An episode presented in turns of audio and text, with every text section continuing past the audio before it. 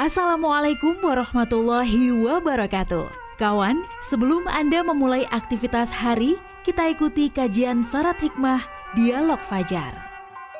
Assalamualaikum warahmatullahi wabarakatuh. Alhamdulillah kawan, ketemu lagi ya Pagi hari ini. Saya Fitriana Ayu di program Dialog Fajar. Kerjasama dengan pesantren Al-Quran Nurul Falah Surabaya. Nah kawan, sudah di studio bersama Ustadz Umar Jaini.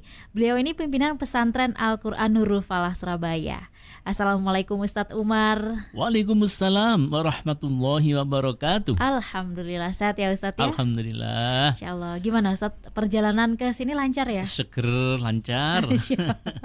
Iya masih pagi ya Ustadz. Habis subuhan langsung nyer gitu ya. Siap.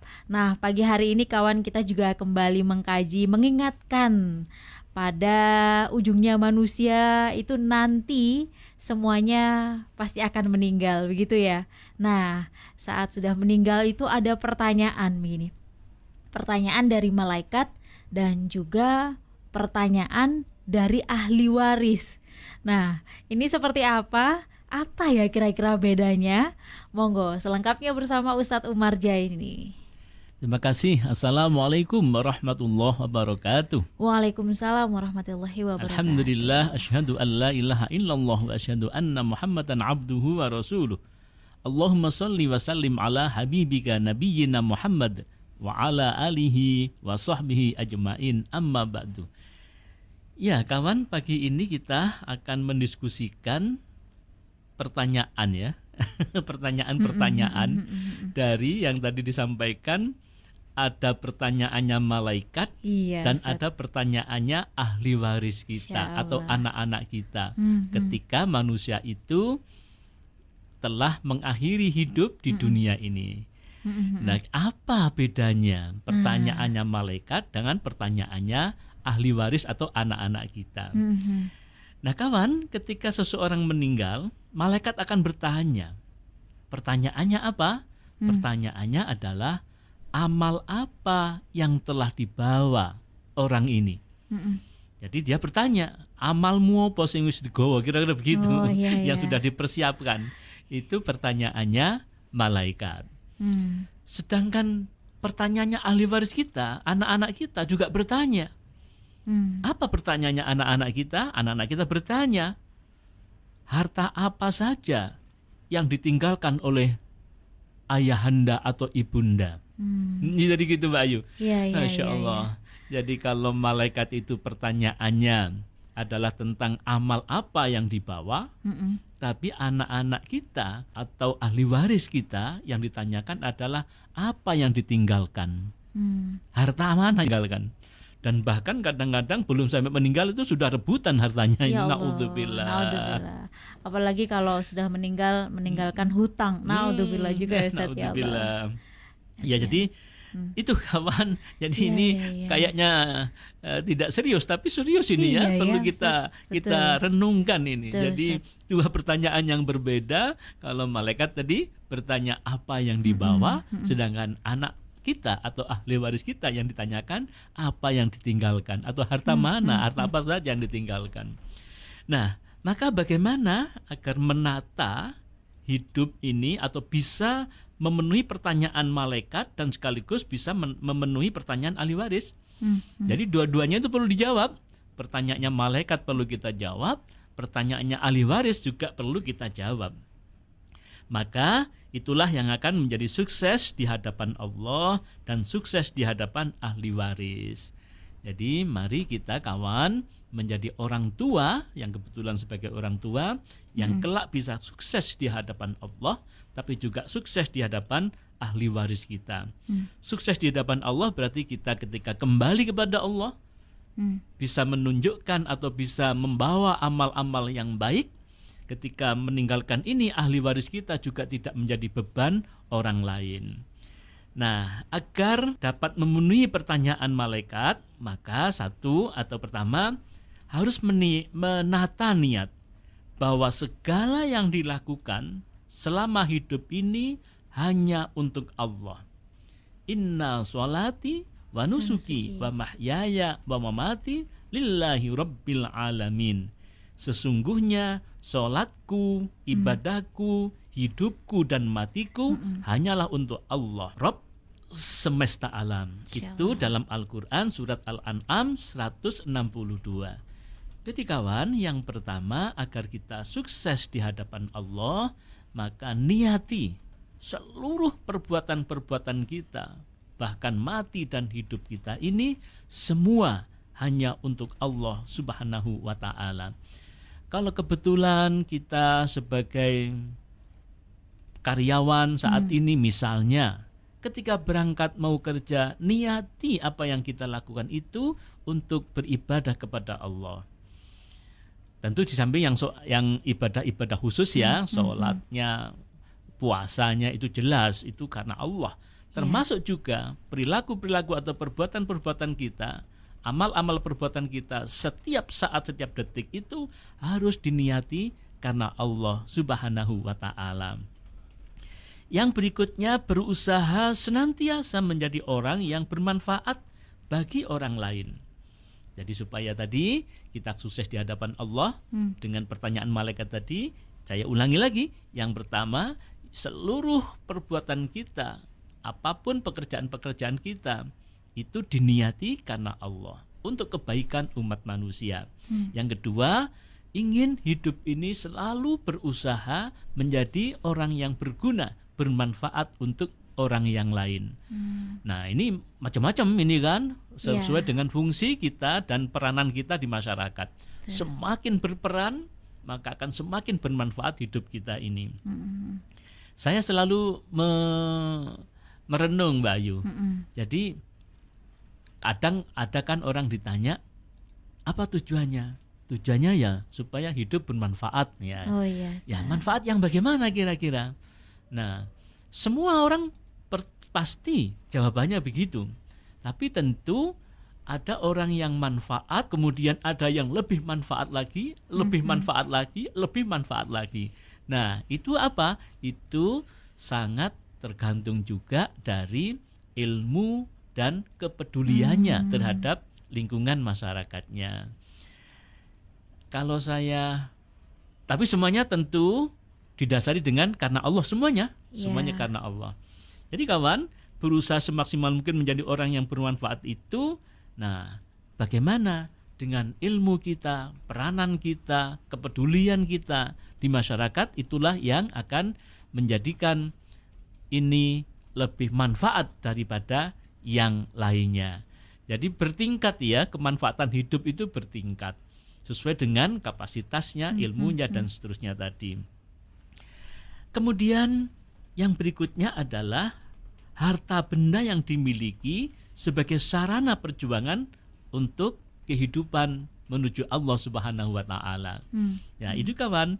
Jadi supaya kita sukses, tadi kan kita bilang dua-duanya harus sukses untuk bisa menjawab pertanyaannya malaikat, tapi juga sekaligus bisa menjawab pertanyaan anak-anak kita. iya. Untuk bisa menjawab pertanyaan malaikat, ya tadi ini eh, apa? Menata niat bahwa seluruh untuk ibadah, berusaha semaksimal mungkin menjadi orang yang bermanfaat dan yang ketiga harta yang kita miliki itu tidak hanya untuk dirinya sendiri tetapi juga untuk kebaikan kehidupan umat manusia sekaligus juga untuk kepentingan pengembangan agama. Nah, itu agar kita sukses untuk jawaban yang pertama. Hmm. Yang kedua, bagaimana agar dapat memenuhi pertanyaan ahli waris kita? Nah, Al-Qur'an mengingatkan begini kawan. A'udzubillahi minasyaitonirrajim. Wal yahsalladzina law taraku min khalfihim dzurriyyatan li'afan khafu 'alaihim falyattaqullaha wal yaqulu qawlan sadida. Dan hendaklah takut kepada Allah orang-orang yang sekiranya mereka meninggalkan keturunan yang lemah di belakang mereka yang mereka khawatir terhadap kesejahteraannya oleh sebab itu hendaklah mereka bertakwa kepada Allah dan hendaklah mereka berbicara dengan tutur kata yang benar. Jadi ini kawan kita diingatkan oleh Al-Qur'an Hmm. harus khawatir, harus takut kalau-kalau sepeninggal kita ini anak-anak kita menjadi anak-anak yang lemah. Allah. Lemah apanya? Ya lemah imannya, lemah ekonominya, bahkan khawatir kalau-kalau anak-anak kita nanti itu menjadi beban orang lain. Ya Allah. Jadi jangan sampai. Nah, kalau kita bisa mewujudkan anak yang kuat, Mm-mm. kuat ekonominya, kuat imannya, dan secara kesejahteraannya dia hidup sejahtera, Mm-mm. tidak menjadi beban orang lain. Nah, maka kita bisa menjawab pertanyaan anak-anak kita. Allah. pertanyaan yang kedua tadi itu, Hmm. artinya ya enggak apa-apa kita mewarisi anak, mewarisi tidak harus dengan harta, Betul. tapi juga bisa dengan mewarisi ilmu. Itu yang Masya terpenting. Apakah itu juga disebut yang namanya ini Ustadz ya ibadah apa itu Ustadz yang amal tidak akan terputus itu Ustadz Hmm, ya, anak soleh jariah itu ya, amal jariah, masya Allah Iya, ya. amal jariah itu. Oh jadi setiap kali eh, kita istilahnya meninggal Mm-mm. eh, yang ditinggal itu move onnya cepat tapi yang lebih baik begitu ya Betul, ya. jangan sampai kita meninggalkan Al-Qur'an tadi kan Hmm. mengingatkan jangan sampai kita meninggalkan anak-anak kita dalam keadaan lemah. Yang dite- ditegaskan dalam Al-Qur'an ya lemah imannya, lemah ilmunya, lemah ekonominya. Hmm. Itu. Nah, Hmm, maka ya apa caranya? Ya kita memang harus mewariskan kepada mereka. Iya. Warisi apa? Warisi ilmu. Hmm. Pertama, menyiapkan pendidikan yang baik. Hmm, hmm. Pendidikan yang baik yang bagaimana? Pendidikan yang bisa menumbuhkan fitrah anak-anak kita. Fitrah itu apa? Iman. Ya apa pendidikan kita? Ini anak-anak kita bisa kita tumbuhkan, kita eh, apa? Imannya dikokohkan. Nah, harus dididik. Hmm. Pendidikan yang menumbuhkan fitrah tadi itu. Yang kedua enggak cukup fitrah saja, tapi juga bagaimana anak-anak kita kita didik untuk bisa berkembang menjadi pengelola alam raya yang baik. Khalifah fil. Allah. Bahasa saya iso nyambut gawe sing apik. Nah, Hmm, kira-kira iya, begitu. iya, iya, Jadi ya dididik imannya kuat, kemudian dididik anak-anak kita supaya mereka kelak bisa bekerja dengan baik. Itu apa? Ya perlu pelat- perlu pendidikan. Mm-mm. Jadi mereka perlu dilatih keterampilannya, Mm-mm. Ke- keterampilan beribadahnya bagus, keterampilannya kerjanya bagus, insya Allah itu bisa menghantarkan anak-anak kita. Hmm. Jadi kawan di era seperti ini memang ya ikhtiar ikhtiar mendidik anak-anak kita harus selalu kita lakukan yang dengan catatan tadi itu anak-anak kita imannya pendidikan yang bisa menghantarkan iman anak-anak kita bagus bisa beribadah kepada Allah dan Mm-mm. pendidikan yang bisa menghantarkan anak-anak kita bisa hidup di dunia ini sesuai dengan tantangannya nanti. Apalagi Hmm. nanti kawan eh, tahun 2045